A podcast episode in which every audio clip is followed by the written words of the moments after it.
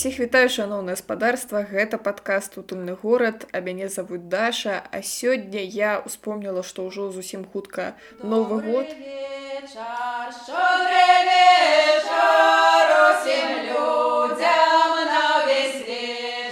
і з гэтай нагоды трэба пагаварыць раптам пра культурніцкія прасторы. Вы спытаеце а як адно з другім звязана? А ў маёй галаве гэта звязана напрамую таму што першая культурніцкая прастора у якой я апынулася. Быў божа даруй мясцовы раённы дом культуры. Я была маленькая і мы там бавілі нейкі навагодні ранішнік ці кшталту таго. І таму у мяне культурныя прасторы з новым годам асацыююцца вельмі моцна. Мне падаецца што шмат хто з нас на папярэдні нового года тыя ці іншыя культурніцкія прасторы такі наведае. А для таго каб мне тут не адной настальгаваць і думаць пра тое як было файна калі я была маленькая хадзіла на ёлку я запрасіла спадарню лізу шалай якая зараз нам і раскажа як яна звязаная з культурніцкімі прасторамі чаму менавіта яе запрасіла Так прывітанне ўсім. Я працавала калісьці яшчэ ў Мску у галерэ уні складовай галерэ сучаснага мастацтва як яшчэ тады піар-спецыялістка. Я займалася больш прасоўваннем нашых культурніцкіх падзей, выставаў і так далей. А ўжо ў вільні я працавала у Create Culture Group як праектная менеджерка і ладзіла вось менавіта культурніцкія праекты, якія таксама былі звязаны і са спейсам. То бок у нас была ёсць яшчэ прастора у якой ладзяцца розныя мерапрыемствы для беларусаў беларусак. Плюс як гэта звязана з горадам я амаль тры гады была дырэктаркай менскай урбаністычнай платформы і таму крыху так разбіраюся і ў культурным поле і ў урбаністычным. Ну, слухай мне гэта на руку таму што у цябе ёсць такі міжсекцыйны досвед. Давай пачнем напэўна з вызначэння што мы ўвогуле называем культурніцкай прасторы я прыгадала дом культуры Таму што гэта як бы проста лінгвістычна тое, што праходзіць навом культура, культурніцкія прасторы. Ці можам мы сапраўды такія ўстановы называць культурніцкімі прасторамі. Цікава, што ў беларускай мове ёсць паняцце культура,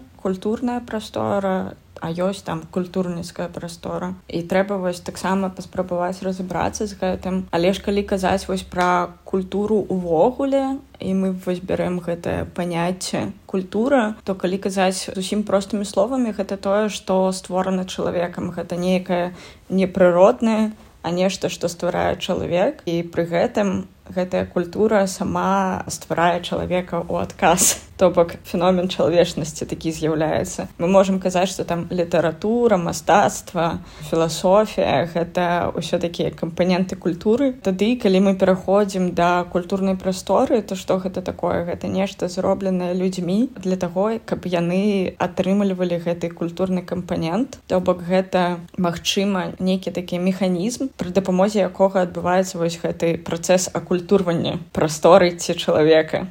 Тут у спадарні елізаветы гэта нешта нарабілася з гукам таму тое што яна тут сказала перакажу я. Ліза казала што культурніцкай прасторы можа быць нават чацік у тэлеграме але калі казаць пра нейкія фізічныя прасторы ў горадзе то гэта нешта што уласна знаходзіцца да тэрыторыі горада. І гэта тое што ствараюць сучасныя гараджане і гараджанкі каб людзі маглі неяк акультурвацца і праяўляць сябе. Ці можа быць дом культуры культурніцкай прасторы ну у нейкім сэнсе так але ліза прапануе нам пра гэта паразважаць крышку пазней то слухайце не пераключайцеся я толькі прыдумала такую метафору што культурніцкія прасторы гэта такія месцы грамадскага харчавання духоўнай ежай Ну я б сказала что так. Я б сказала что гэта яшчэ не толькі пра харчаванне а пра вырабленне гэтай ежы то бок калі увогуле казаць якія ёсць уласцівасці вось у нейкай культурніцкай прасторы то мне падаецца гэта пра нейкае месца дзе чалавек можа не толькі есці гэтую культурную ежу але і ствараць праяўляцца самім як творцам як стваральнікам гэтай культуры. Окей давай тады паговорым пра тое што звычайна адбываецца ўласна ў гэтых самых культурніцкіх прасторах. Ну вось возьмем там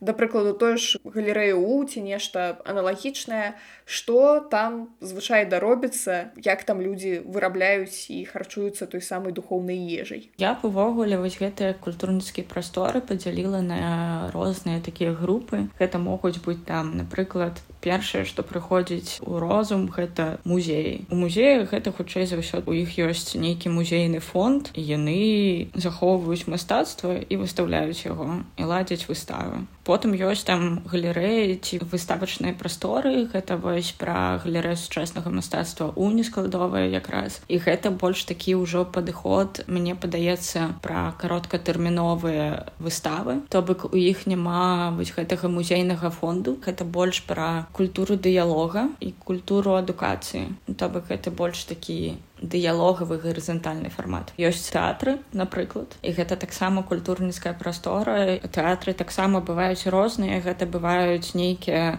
там калі мы бярэм купалаўскі напрыклад. Гэта тэатр у якога ёсць свой будынак гістарычны і яны там ладзяць сваю і такую больш інстытуцыянальную праграму такую больш сур'ёзную. І ў тэатры мы ходзім паглядзець пастаноўкі. Але ёсць і тэатры якія існуюць без прастор вольны тэатр групы людзей якія займаюцца тэатрам ладзяць свае пастаноўкі. І гэта ўжо пра нешта метафізічнае апошнія гады тэатры беларускія таксама яны ладзяць не толькі пастаноўкі але і шукаюць іншыя фарматы дыялогу з гледачамі і глядачкамі гэта вельмі цікава гэта можа быць размова з рэжысёрам удзел людзей у нейкім перформансе.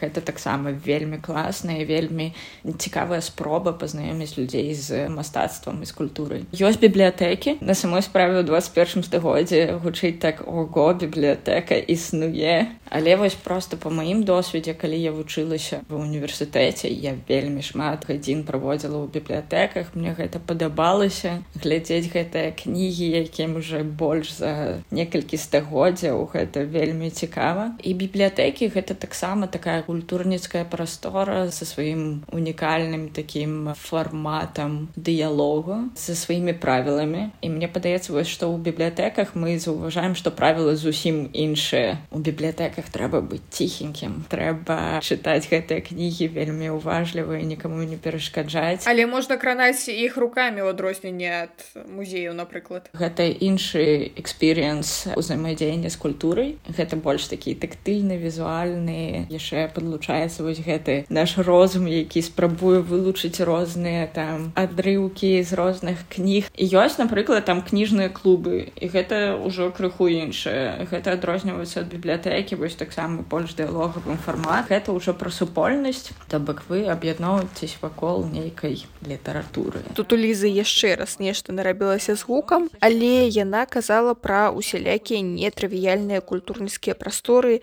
як то напрыклад паркі дзе людзі могуць бавіць свой час гуляць з дзецьмі і сабакамі гуляць у шахматы чытаць кніжкі і займацца спортом ёсць яшчэ батанічныя сады напрыклад дзе адмыслоў вырошчваюць усякія цікавыя расліны. І тут цікава што ад пачатку мы казалі што культура гэта нешта нежывое але гэтая самая жывая і нежывая гісторыі неяк пераплетаюцца а яшчэ ёсць клубы бары якія таксама ў пэўным сэнсе ёсць культурніцкімі прасторамі хаця і вельмі адрознымі ад бібліятэкі музею а ёсць яшчэ майстэрні мастакоў і мастачак. Месца дзе ствараецца культура і куды ты можаш прыйсці калі цябе запросяць мастак ці мастачка. Мне падаецца што можа быць розныя адукацыйныя месцы пляцоўкі колка для падлеткаў месцы дзе яны могуць навучацца.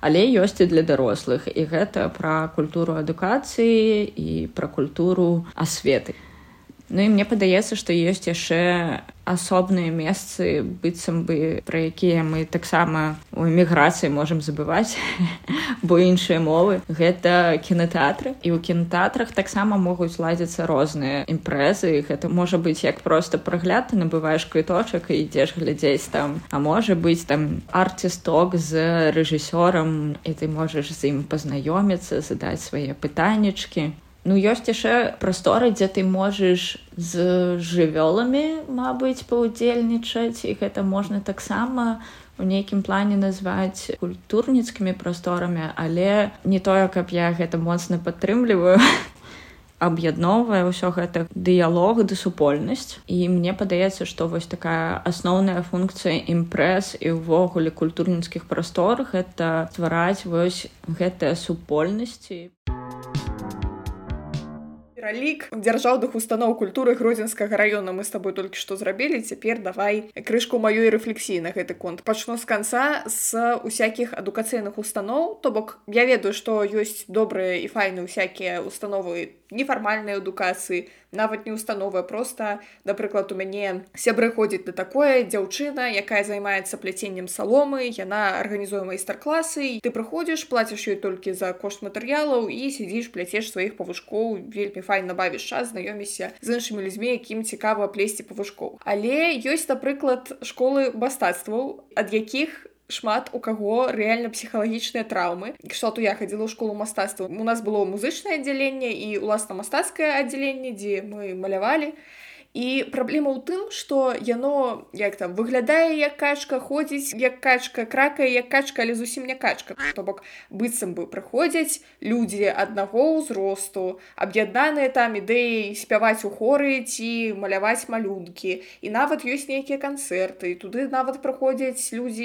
якія не вучацца ў гэтых установах нейкія выставы ладзяцца. Але пры гэтым быццам бы мінімізаваны момант творчасці і момант вось гэтага самавыражэння тому что ты не можаш маляваць тое што табе захацелася кшталту. У цябе стаіць зараз па раскладзе тры гадзіны жывапісу. А па плане значыць вы малюеце шмат фігурную кампазіцыю з геаметрычных фігур вось ты сядзіш і малюеш вось гэтую кампазіцыю з геаметрычных фігур. Тое ж самае было ў музычным аддзяленні. Усе гэтыя выставы усе гэтыя справаздачныя канцэрты гэта зноў жа было штосьці такое зарганізаванае зверху што прыдумалі настаўнікі настаўніцы вось яны прыдумалі канцэпцыю выставы там ці ці канцэрту і ты просто як бы прыходзіш робіш свой унёсак зноў жа ты малюеш тое што яны сказалі і вучыш тую партыю якую яны сказалі і ўсё гэта неяк рэалізоўваеш Хаця ну я кажу про тое што гэта зноў жа нейкая такая вельмі вертыкальная гісторыя з іерархіяй і ўсімі справамі хаця выглядае зноў жа як нешта такое прышпільнае. Наколькі я памятаю дзесьці у 1890-х з'явіліся вось першыя такія установы культуры. То бок гэта мне падаецца што ўжо з назвы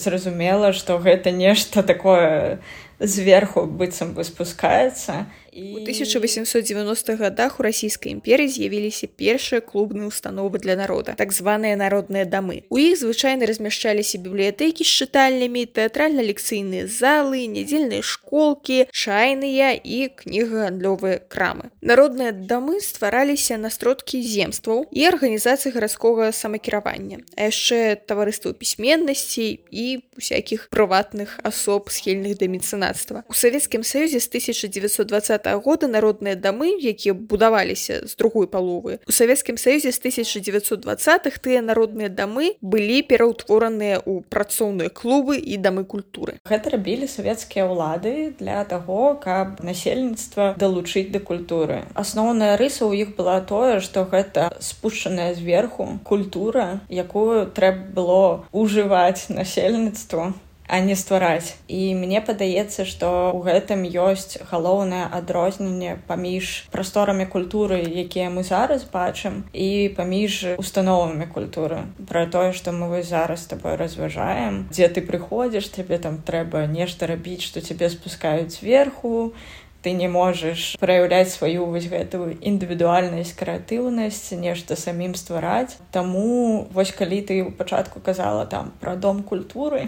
Гэта установа культуры. Яны нават так і называюцца афіцыйна дзяржаўная установа культуры так. Гэта не пра супольнасць гэта больш пра гарызанталь сучасныя культурніцкія прасторы партысапатыўныя больш яны карыстаюцца вось гэтым правілам нічога для нас без нас то бок ты ствараеш больш інклюзіўныя чуллівыя нейкія умовы для людзей каб яны маглі ў першую чаргу рэалізоўвацца і адчуваць гэтую супольнасць. Ва установах культуры быццам бы адчуваеш вось гэтую рэкрэацыйную функцыю не ствараеш нешта сам. Насамрэч тут я таксама магу паспрачацца раптам таму што тое што я заўважаю у наш час нават у дзяржаўных усякіх установах у музеях у бібліятэках усё ж такі знаходзяцца добрыя і файныя энтузіасты якія намагаюцца рабіць штосьці такое больш сучаснае больш прышпільнае напрыклад ёсць у гродні музей гісторыі рэлігіі дзе працуюць проста абалдзенныя навуковыя супрацоўнікі супрацоўніцы яны ўвесь час робяць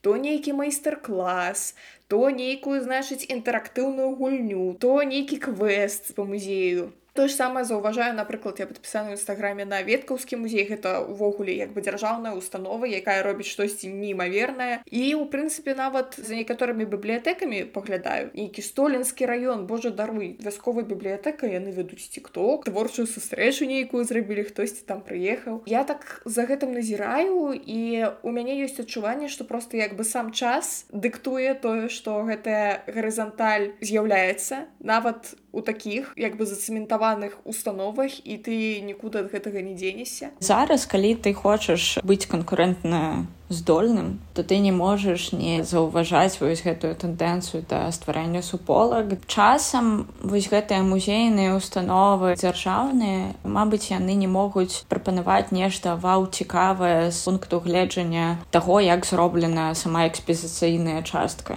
Але ім трэба ўсё роўна неяк шукаць мэтавую аўдыторыю неяк далучаць людзей да сябе. Яны шукаюць вось гэтыя новыя шляхі далучэння людзей да сябе мне падабаецца што гэта адбываецца. І мне падаецца што ці ты так робіш ці становішся такой установай да якой ніхто не звяртаецца ніхто не ходзіць і я б яшчэ тут подумала пра тое што зараз наше пакаленне і ўвогуле людзі якія вы жывуць у 21 стагоддзе у нас больш такое шмат пра гэта кажуць кліпавае мышленне быццам бы. Калі гэта будзе такая нудная экскурсія дзе табе будуць акадэмічнай мовы распавядаць нешта не тое каб шмат людзей змогуць просто запомніць пра што была гэтая экскурсія. Давай мы тады яшчэ паговорым крышку пра знешні выгляд і плаўна перайдзем да таго якое месца установы культуры займаюць у гарадах тому что что я напрыклад заўважаю что напрыклад нейкія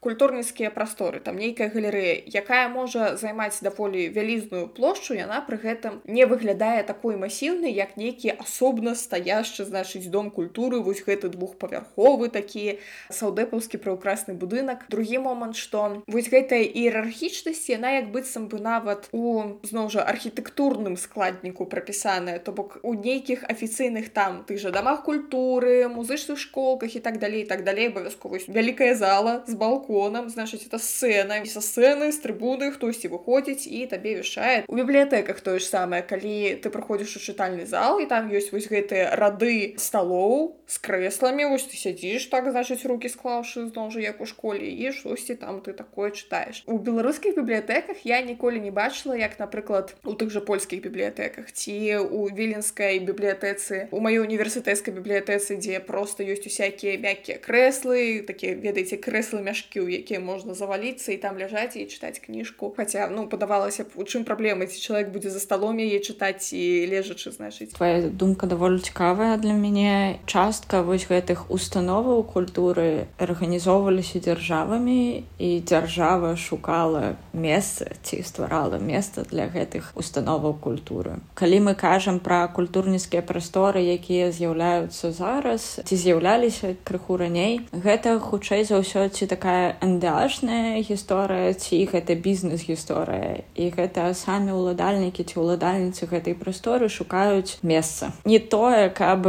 бізнес ці асабліва ндашка маглі пабудаваць сябе нейкі такі велізарны будынак. Таму я думаю што гэта абумоўлена грашыма у першую чаргу фінансамі. Вось ёсць такі даволі цікавы феномен. Я некалькі месяцаў таму была на праграме вось якраз у варшаве пра культуру культурніцкія установы беларусаў беларусак у варшаве. Тыя хто ў эміграцыі. Даволі цікава горад можа выдаць людзям якія шукаюць прастору даволі такія таксама прэтэцыозныя месцы гэта можа быць такая просто заля с фіранкамі шыкоўная гэта ўсё бескаштоўнае ці на нейкіх льготных умовах выдаецца. І тут у мяне ёсць дысананс на самой справе. Я вось тыдзень хадзіла па розных установах там былі вось такія якія мы просто бачым. Гэта сучасная культурніцкая прастора. Яна там белыя сцены лофцік крыху. А потым ты бачыш амаль тую ж самую ідэю але яна змешчана у пляцоўцы якую можна назваць ДК. Гэта як музей лускевіча у вільні. Гэты будынак быў выдадзены віленскай мэрыяй музею. І ў іх там ёсць як музей так і пляцоўка для івентаў для выставаў. Яны таксама спрабуюць гэта неяк раздзяляць. І гэта таксама цікава што зараз адбываецца быццам бы вось такое кросс узаемадзеянне уявіць такое ў беларусі уявіць сябе што нейкі будынак там купалаўскага тэатра перайдзе ў рукі нейкай крэатыўнай тэатральнай студыі якая займаецца не ведаю інклюзіўны тэатр напрыклад калі ты выходзіш з купалскага тэатра ты можаш паглядзець на яго сцену і там нават напісаны інвентарны нумар. І калі я гэта першы раз побачыла для мяне гэта было нейкім такім шокам. У сэнсе будынак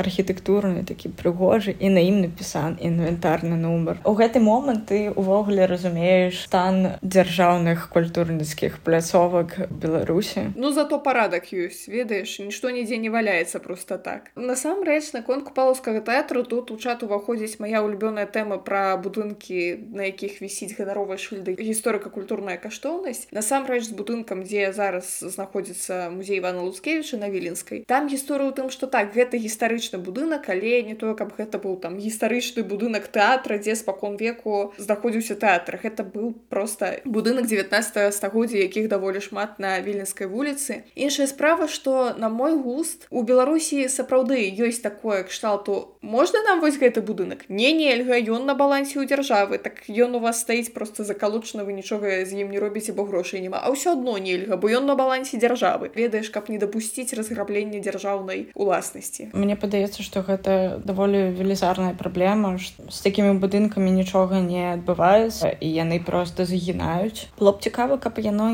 жылі сваю там іншае новае жыццё. У розных краінах мне падаецца мы можемм заўважыць розныя прыклады таго як будынкі будынкі якія раней былі там фабрыкамі заводамі яны пераўтвараюцца ў культурніцкія такія пляцоўкі і гэта новае іншае жыццё новыя супольнасці і сувязі просто ў горадзе ствараюцца новыя. Это вельмі клёва І вось тое, што ты казала яшчэ пра гісторыка-культурная каштоўнасць. Напрыклад, Create Culture Space ён знаходіцца ў месцы, дзе жыў мойша кульбак. І калі я там працавала, мы думалі пра тое, а мабыць, нам адчыніць ну нейкую там кавярню ці нешта такое. І мы не маглі адкрыць яе. Бо гэта гісторыка-культурная каштоўнасць рабіць кухню напрыклад там нельга і гэта вось горад забараняе гэта рабіць. Але там існуе крэатыўная прастора у якую прыходзяць людзі ладзяць там свае вэнцікі выставы. Таму мне вось падабаецца што хоць ёсць такі варыянт. У беларусі гэта складанне ты ведаеш у мяне зараз бровы амаль папаўзлі за перыметр ілба тому что тым жа ж будынку знаходзіцца піцерыя гэта іншыя будынкі на самой справе. То бок піцерыя там знаходіцца з іншага боку вуліцы і гэта іншы будынак лічыцца ў горадзе. У іх нават розныя адрасы яны былі пабудаваныя ў розныя гады наколькі я памятаю Таму у іх розны статус вось гэты гістарычна каштоўнасны Окей давай тады мы з тобой паговорым пра тое што вось калі з'яўляецца культурніцкая прастора здаровага чалавека а не установа культуры курыльшчыка як гэта пачынае ўплываць на горад і гараджанак. Я магу сказаць на прыкладзе вільні таму што на маіх вачах кшталт у горадзе не было прасторы і вось яна з'явілася і туды пацяклі рэкі актывістаў і актывіста кладзець свае імпрэзы з'явілася вось гэтая прастора для камунікацыі людзі пачалі знаёміцца. Потым з'явілася іншая прастора зноў жа там з крышку іншай мэтавай аўдыторыі і зноў зноў жа там знаёмяцца знаходзіць кантакты заходзіць нават новыя прафесіі таму что дарэчы нам патрэбная сама менеджерка ой а я умею пісаць тэксты ну там можа ты да нас то бок гэта нетворкінг каворкінг усё там прысутнічае і з нашага боку я заўважаю што калі адбываецца напрыклад нейкі рэпутацыйны скандал што як бы таксама было ўжо на нашым досведзе і як бы і людзі такія пакрысе кшталту вы нешта таксічнае мы ад вас адыдзем на паўкрокі то зноў гэта ламаецца і зноў як быццам бы няма нейкай нейкай такой агульнай агульнавядомай прасторы дзе ўсе могуць камунікаваць з усімі і жыццю радавацца. Так ты просто сказала ўсё як ёсць. Калі думаць пра тое як уплываюць культурніцкія прасторы на горад і гаражанак мне падаецца што можна такія пункцікі зрабіць. І вось першае што ты сказала што гэта супольнасці і гэта так. Просто у гарадской прасторы павінны быць вось такія месцы павінны быць выкананы нейкія умовы каб з'яўляліся камунікатыўныя практыкі. Такой умовай можа быць культурніцкая прастора, дзе людзі могуць проста камунікаваць паміж сабой, дыскутаваць. Пасля гэтага ў іх з'яўляецца супольнасць супольнасцю крыху складаней яна не абавязкова з'яўляецца вакол гэтай прасторы. У прасторы могуць быць розныя супольнасці. Калі там ёсць выставы то гэта можа быць супольнасць людзей якая ходзіць на выставу ў гэтую прастору ці яны самі утвараюць ладзяць гэтыя выставы. Гэта можа быць супольнасць людзей якія ходзяць у гэтую прастору ведаю на нейкія майстар-класы на кніжны клуб той же самы пра што мы ў пачатку казалі. Мабыць у прасторы ёсць бібліятэка бібліятэка яны ходзяць тады у бібліятэку і разважаюць потым вакол гэтых там літаратуры ці гэта людзі якія ходзяць у каворкінг і працуюць у смежных нейкіх накірунках і вось яны таксама арганізавалі гэтую супольнасць. Але у іх усіх ёсць нешта што іх аб'ядновае гэта вось гэтая прастора якая стварыла умову для камунікацыі. І навошта тады запад такі Окей горад камунікацыя навошта Але калі з'яўляюцца супольнасці людзей з'яўляецца вось гэта уключанасць у гарадскую асяроддзе ўхую супольнасць. Усведамляюць праз некаторы час быццам бы адказнасць за тое што адбываецца ў гэтай прасторы ці побач з ёй. І гэта самае мне падаецца важны кампанент што людзі пачынаюць просто разумець што яны могуць неяк паўплываць на тое што адбываецца ў гарадскім асяроддзе побач з крет culture space ёсць парк. Ці мы можам зрабіць нешта такое каб гэты парк быў зрушаны для ўсіх пачынаецца вось гэта камунікацыя паміж рознымі суполкамі. Людзі пачынаюць абмяркоўваць што можна зрабіць з гэтым паркам што можна зрабіць з гэтай прасторай ці з гэтым дваром. І гэта вельмі змяняе ландшафт. Можа з'явіцца не ведаю фестываль нейкі. Як адбылося там зок 16 гэта таксама была просто будынак які выкупіў бізнес запрасіў людзей з архітэктуры з урбаністыцы і з крэатыўнага сектара вуліца кастрычніцкая вельмі змянілася за гэты час. Існавання там ок 16 потым галерэя у хулиган таксама. Бар хулиган якобы с дерзким названием но на каждого хулигана есть свой тимур и его команда. Гэта бізнес які вельмі паўплываў на гарадское асяроддзе вуліцы. Тут ізноў узніклі праблемы з гукам але ліза прыводзіла ў прыклад кастрычніцкую вуліцу дзе пакрысе з'яўляліся новыя новыя кропкі прыцягнення лазіліся фестывалі а мастакі мастачкі малявалі розныя графіці. А ўсё гэта адбылося праз наяўнасць супольнасці. Тых самых людзей якія хадзілі ў ок 16 галерэі у і той самы бар хуліган. Потым ліза ўзгадала новую баравую і тое што сучасныя забудоўшчыкі і забудоўшчыцы часцей імкнуцца зрабіць не просто квартал спальнік але комплекс дзе будзе менавіта месца для развіцця творчасці і стварэння супольнасці. Слухай як ты думаешь ці можна гэту самую прастору для праяўлення індывідуальнасці і крэатыў актыўнасці неяк упихнуць у той раён квартал дзе гэта не было прадугледжана загадзя то бок напрыклад мой асабісты гродзенскі боль гэта мікрараён вішнявец. Чаму гэта боль? Тому что гэта велізарны па плошчы мікрараён. Але па сутнасці гэта дамы дамы дамы кватэры кватэры кватэры. Суха як ты думаешь ці можна гэту самую прастору для праяўлення індывідуальнасці і крэатыўнасці неяк тры крамы касцёл школа і ўсё? І атрымліваецца што людзям якія там жывуць абсалютна няма дзе бавіць свой час. Ну і пры гэтым у іх адзінае выйсце гэта паехаць кудысьці ў цэнтр і там пазабаўляцца. Пытанне ці можна тэарэтычна вось у гэтую прастору шматпавярховых будынкаў кудысьці упихнуць месца для развіцця і творчасці? Слухай мне падаецца што можна. Мы просто можемм пафантазаваць як это можа адбыцца. Мы сустракаліся летом і разважалі просто пра дваравыя суполкі. Двор можа быць месцам дзе людзі могуць ладзіць робіць нейкія імпрэзы нават выставы перформансы лекцыі. І ў двадцатым годзе мы гэтага бачылі што людзі просто ладзілі канцэрты на балконах. Гэта зусім іншая функцыя з'явілася. Так гэтыя прасторы можна назваць ужо культурніцкімі гэта зноў ж такі праз супольнасці можна ствараць гэтыя культурніцкія прасторы. І тут узнікае вось гэтае пытанне што раней з'явілася яйцо ці курыца. Прастора ці супольнасць што першым павінна з'явіцца. Я не думаю што нешта вось павінна з'явіцца першым. Просто ці з'яўляецца супольнасць якая разумее што ім патрэбна нейкая культурная прастора ці з'яўляецца прастора якая будуе вакол сябе гэтую супольнасць. І так і так яно працуе але мне падаецца што ў відале калі гэта працуе не праз суполку мы ствараем прастору а спачатку мы ствараем прастору трэба зрабіць некае даследаванне. То бок зразумець хто вакол знаходзіцца зразумець сваю мэтавую аўдыторыю патрэбы гэтай мэтавай аўдыторыі. І пасля гэтага ладзіць ужо прастору. Бо калі не з'явіць даследаванне гэта будзе установа якая мне думка прыйшла ў галаву? Калі мы маем справу з установамі культуры класічнымі гэтымі дамамі культуры і усімі астатнімі файнымі рэчамі то гэта гісторыя пра тое каб дзяржаве індактрынаваць грамадзян і грамадзянак нейкай сваёй культуры як яны яе разумеюць правільнай дзяржаўнай культурай. Але праблема у тым что людзі не вельмі ты індактрынуюцца то бок калі ў цябе ёсць телефон інтэрнет ты лепей не будзеш хадзіць ні на якія канцэрты чым на канцэрты прасвечанай дню працоўніка сельскай гаспадаркі ты лепей пасядзіш дома ютубчык паглядзіш. І атрымліваецца чтобы канкураваць за увагу людзей з тымі ж телефончыкамі даводзіцца штосьці выдумляць новае і так нават установы культуры пакрысе трансфарміруюцца менавіта ў культурніцкія прасторы якія маюць пад сабой не гэтую вертыкаль мы вам спускаем правільную культуру а вы калі ласка кушайце а гэта пра тое што мы супольна збіраемся і супольна штосьці ствараем і культура тут як бы хутчэй інструмент аб'яднання і стварэння супольнасці чым інструмент кантролю над людзьмі. Я б сказала что вось гэтыя сучасныя культурніцкія прасторы пра якія мы сёння размаўляем гэта пра першую чаргу гарызанталь па-другое праз гэтую гарызанталь ствараецца суполка. Гэта ўжо неяк уплывае на горад гарадское асяроддзе на гараджаны гараджанак. Калі гэта установа то бок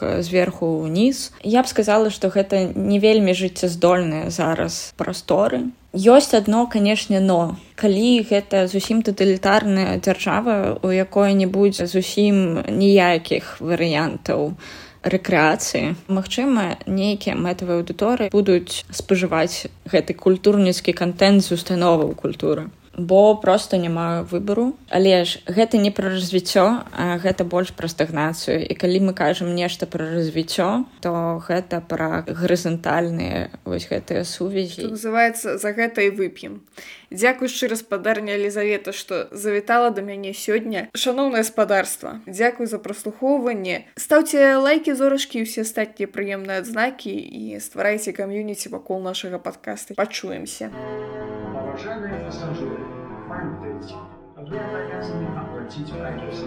Набывайте проездные билеты к часу поездки.